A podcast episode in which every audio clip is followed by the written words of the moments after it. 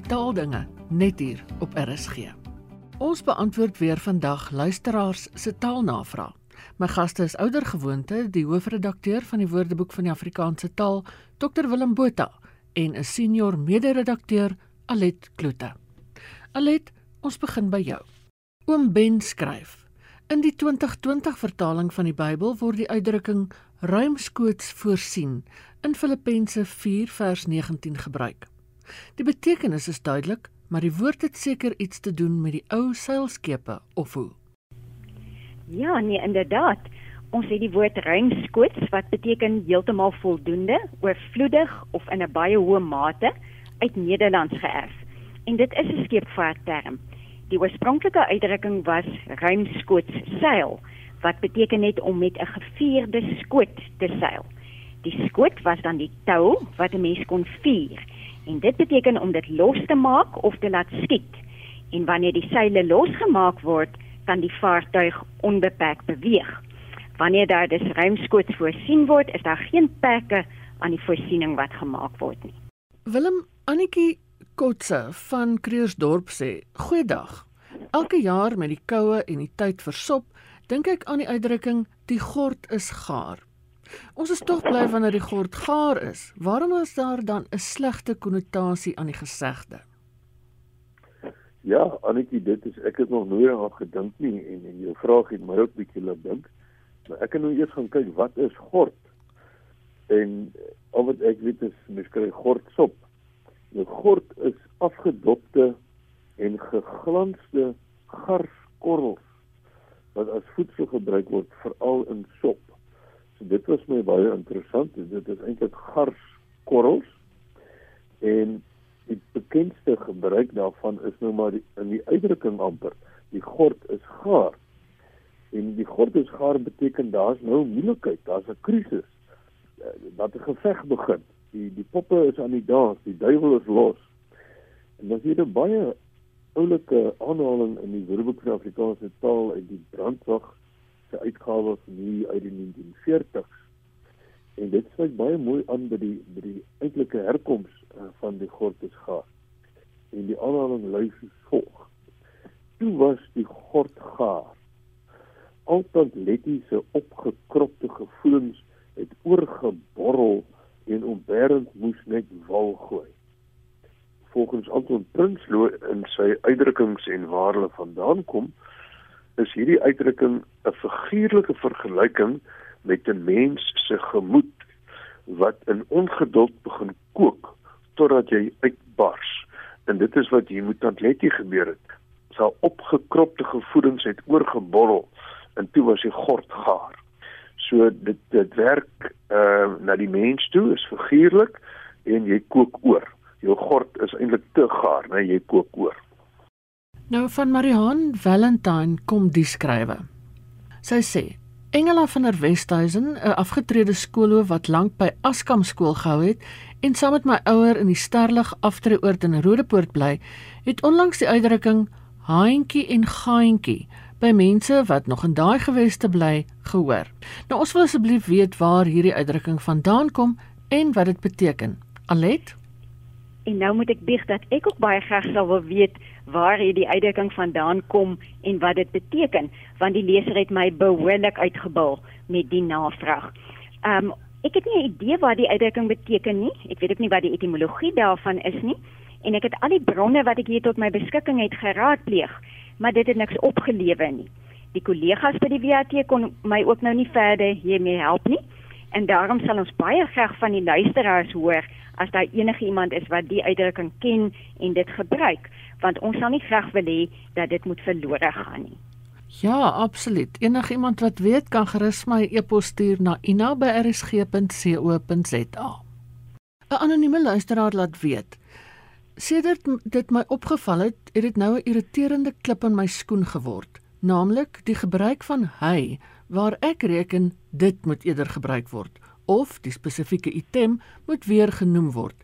Byvoorbeeld, nie hy is af met 20% nie, maar Naspers is af met 20%.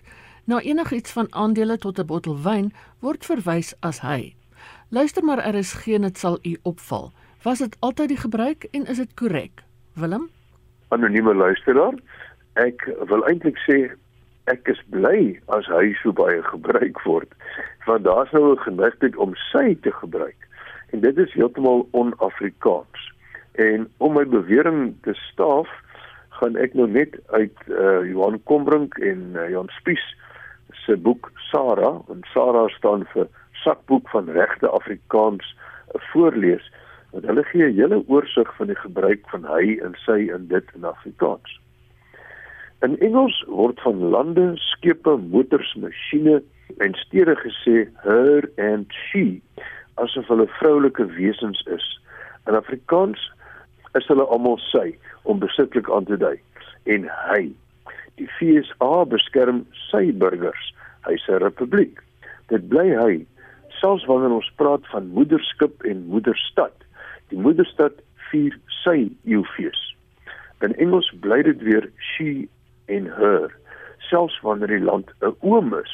Onkel Sam expands her navy in kerklike kringe word nog van die kerk gepraat as haar Dit is 'n oorblyfsel uit die tyd toe die kanseltaal en die sinodetaal Nederlands was. Maar vandag is dit nie meer aan te beveel nie. Selfs in Nederlands is die gevoel vir sulke vroulike forme aan die afneem. En dan gaan ons voort na verskeie so siklone. Al het siklone vroue name, is die voornaamwoorde vir hulle manlik. Die sikloon Susie verander verander sy rigting Dis ook die geval met die voetrekker kanon ou Grietjie en die geweer ou Sanna. Waar is die potlood? Hy sit agter jou oor. 'n Potlood, 'n stukkie papier, 'n klip, 'n besem kan almal hy wees. Mense wat in omgang normaal van hy sal praat, meen dikwels dat hulle op skrif by lewelose dinge dit moet sê, maar hy is meestal verkieslik. By abstrakte, vormlose en fyngemaakte dinge is dit meer gebruiklik. Byvoorbeeld as ons van ertjies, gemaalde koffie, meel, stowwe, die liefde, regverdigheid, verwaandheid praat dan sê ons dit. Nog 'n paar voorbeelde. Die baba is groot. Hy of sy weeg 5 kg. 'n Baba is nie dit nie. En dan gaan ek voort om te sê hierdie hy of sy is baie irriterend. Ja, as ons sê om van 'n student te praat as hy of sy uh, moet betyds wees, stel dit liewers in die meervoud. Studente wat wil ek sameskryf moet sorg dat hulle betyds is. Dan vermy jy die hy of sy. Alet Dani Kronje van Riversdal het die volgende kommentaar. Nou dis 'n langerige stuk en ek lees dit. Ek wil my verbasing uitspreek dat die elektroniese WAT die terme ewige getalle en gelyke getalle as sinonieme beskou. So ook onewe en ongelyke. Ek dink dis 'n groot flater want op skoolvlak is daar 'n prominente deel van die wiskunde silabus wat juis onderskeid tref tussen gelyke en ewige getalle. 'n Voorbeeld van die verwarring wat dit kan veroorsaak word gesien in ons dorp se waterbeperkings soos uiteengesit deur die munisipaliteit. Daar word gesê dat huise met gelyke straatnommers op Maandag en Donderdag hulle tuine mag nat lê en so op Dinsdag en Vrydag huise met ongelyke nommers Tegnies kan huishoudings nou elke dag hulle tuine nat lê. Kom ons neem 'n voorbeeld. Heidestraat 5 en Protea straat 5 het gelyke straatnommers volgens die korrekte betekenis van die woord gelyke. Dus mag hulle op Maandag en Donderdag tuine nat lê. Maar Heidestraat 5 en Protea straat 4 het ongelyke nommers. Dus mag hulle ook op Dinsdae en Vrydae nat lê. Gevolglik mag enige huishouding enige dag tuin nat lê. As die terme ewe en onewe gebruik was, sou daar geen skuiwergat gewees het nie. Alet, wat sê jy hiervan? Miskien moet 'n mens begin deur te sê dat dit nie ongewoon is dat woorde binne 'n bepaalde vakgebied 'n spesifieke betekeniswaarde kry wat dit nie noodwendig in die alledaagse spreektaal het nie. Ek dink byvoorbeeld hier aan woorde so snelheid en spoed en massa en gewig wat nie dieselfde gebruik word in die fisika as byvoorbeeld in die gewone omgangstaal nie. En dit is dan nou ook juist die taak van 'n omvattende woordeboek soos die Woordeboek van die Afrikaanse taal wat per definisie deskriptief of, of beskrywend is om die taal in sy volle omvang weer te gee. En dit beteken noodwendig ook dat betekenisonderskeidings wat die wiskundige of die fisikus as minder korrek beskou, ook in die woordeboek gereflekteer word. Maar dis baie noodsaaklik dat die leksikograaf die duidelike etikettering vir die gebruiker leiding verskaf. Ek stem dus saam met die luisteraar dat dit verkeerd is om in 'n wiskundige konteks ewe en gelyke en onewe en ongelyke waar daar getalle ter sprake kom as sinonieme te beskou.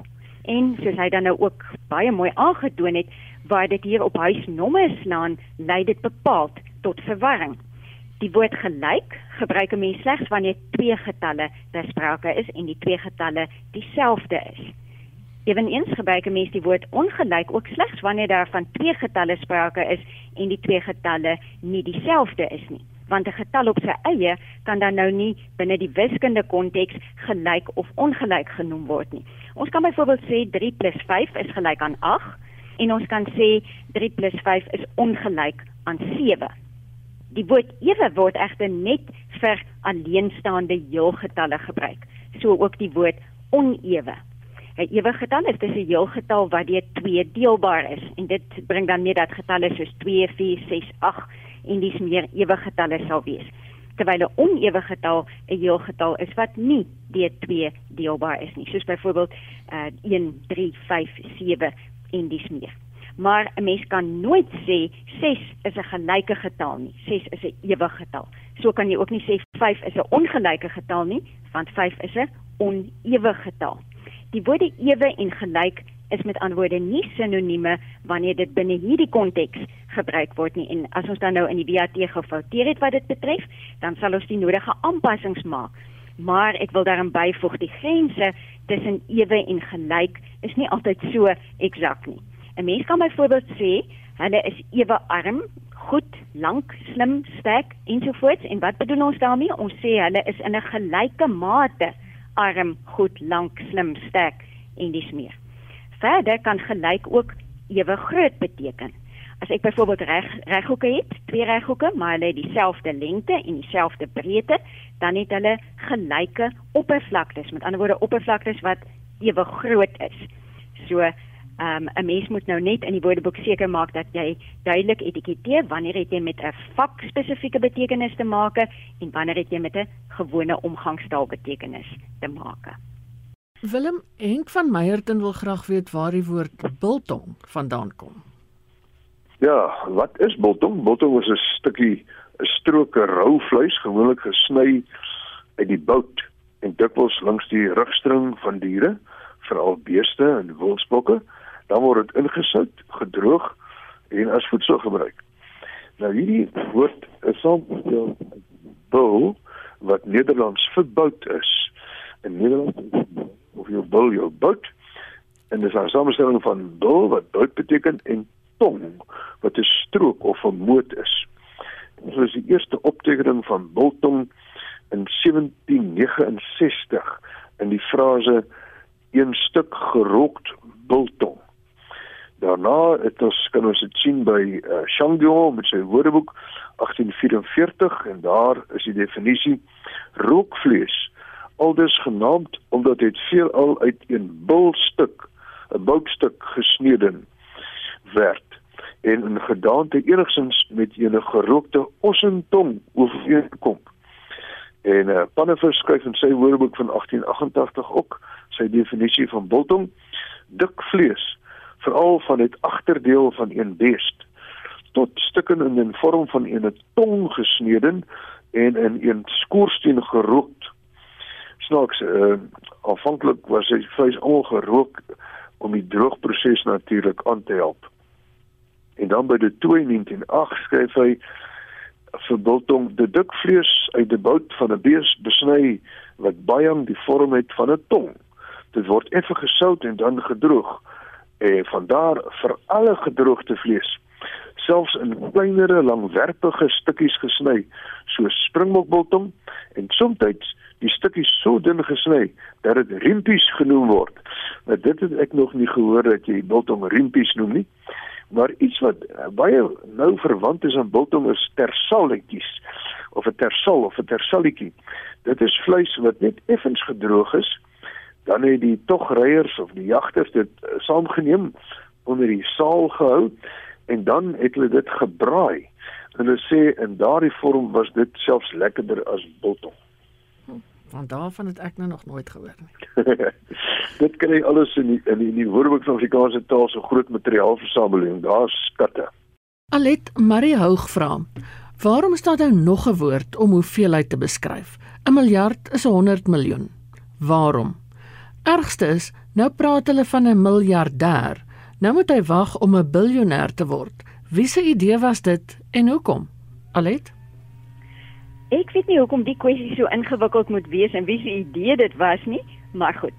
Die luisteraar sê 'n miljard is 100 miljoen, maar volgens die WAT en die ander gesaghebende bronne wat ek geraadpleeg het, is 'n miljard 1000 miljoen. Nou nie dat dit saak maak nie, want dit is nog steeds 'n opseene bedrag geld. 'n Miljardêr is dus iemand wat 1000 miljoen of meer rand, pond, dollar, wat dit ook al mag wees, sterk is. Die woord miljard word in Afrikaans en nou moet ek bysê in baie ander Europese tale ook behalwe Engels gebruik. In Engels word billion gebruik om na 1000 miljoen te verwys. 'n Engelse biljoenêr is dus 'n Afrikaanse miljardêr. Wanneer ons in Afrikaans van 'n biljoen praat, bedoel ons 'n miljoen maal 'n miljoen. In Afrikaans en weer eens in ander Europese tale is 'n miljardêr dus minder vermoënd as 'n biljoenêr. Nou nie dat dit 'n uh, paar miljoen na die kant of na daardie kant toe jy enige verskil sal maak nie. En die verklaring vir die de mekaar spel lê in die feit dat daar in verskillende dele van die wêreld verskillende stelsels of skale gebruik word. En nou kan ek nie die versoeking weerstaan om 'n anglisisme te gebruik nie, want ek wil die lank en die kort van die saak soos volg verduidelik. Terloops die lank en die kort is dit kom hier op neer of die saak is is net dit. In Europa behalwe in Frankryk is die sogenaamde langskaal gebruik. Die FSA en Brasilië het toe 'n navolging van Frankryk die kortskaal gebruik. En in 1948 het Frankryk besluit om soos die res van Europa ook die langskaal te gebruik. Maar Amerika het volgehou met die kortskaal. En dit het dan nou tot groot verwarring in die Engelssprekende wêreld gelei, met die gevolg dat Engeland ook na die kortskaal toe oorgeskakel het ons het dit in Afrikaans en in die Europese tale nou die lang skaal terwyl Engeland die kort skaal gebruik in Amerika, die Engelssprekende wêreld. Nou in die lang skaal is die naamgewing van getalle gebaseer op die getal miljoen. En met 'n latynse voorvoegsel word dan aangedui tot die hoeveelste mag van 'n miljoen 'n bepaalde getal is. 'n Biljoen, BS2, is 'n miljoen tot die mag 2 of 10 tot die mag 12. 'n Triljoen, 3 is 3 is dan 'n miljoen tot die mag 3 of 10 tot die mag 18 en 'n kwadriljoen is 'n miljoen tot die mag 4 of 10 tot die mag 24. Maar nou binne hierdie langskaal word daar ook voorsiening gemaak vir tussenin faktore 1000. En hulle kry dieselfde voorvoegsel, die b of die 3 of die kwadri, maar in plaas van om die uitgang jart joen te gebruik word nou jart gebruik. 'n biljard is dis 'n 1000 biljoen 10 tot die mag 15. Met ander woorde as 'n biljoen 10 tot die mag 12 is, is 'n biljard nou 10 tot die mag 15. 'n triljard is 'n 1000 triljoen of 10 tot die mag 21. Ons het ek het gesê 'n triljoen is 10 tot die mag 18 en 'n triljard is dan 10 tot die mag 21. 'n kwadriljard is 'n 1000 kwadriljoen of 10 tot die mag 27. 'n kwadriljoen het ek gesê is 10 tot die mag 24 en 'n kwadriljard is dan 10 tot die mag 27. Dit dan nou wat die langskaal is betref. Maar in die kortskaal word daar ook by 'n miljoen begin. Maar daar is nie die yard uitgange nie. Hier word die getal met elke voorvoegsel met 'n faktor 1000 verhoog. Maar omdat die naamgewing nie by 1000 begin nie, maar ewenigs by 'n miljoen, is die voorvoegsel nie regstreeks verwant aan die mag van 1000 nie, maar aan die mag plus 1 van 1000.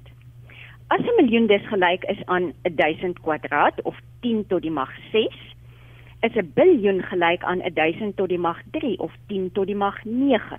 'n Triljoen gelyk aan 1000 tot die mag 4 of 10 tot die mag 12 en 'n kwadriljoen gelyk aan 1000 tot die mag 5 of 10 tot die mag 15.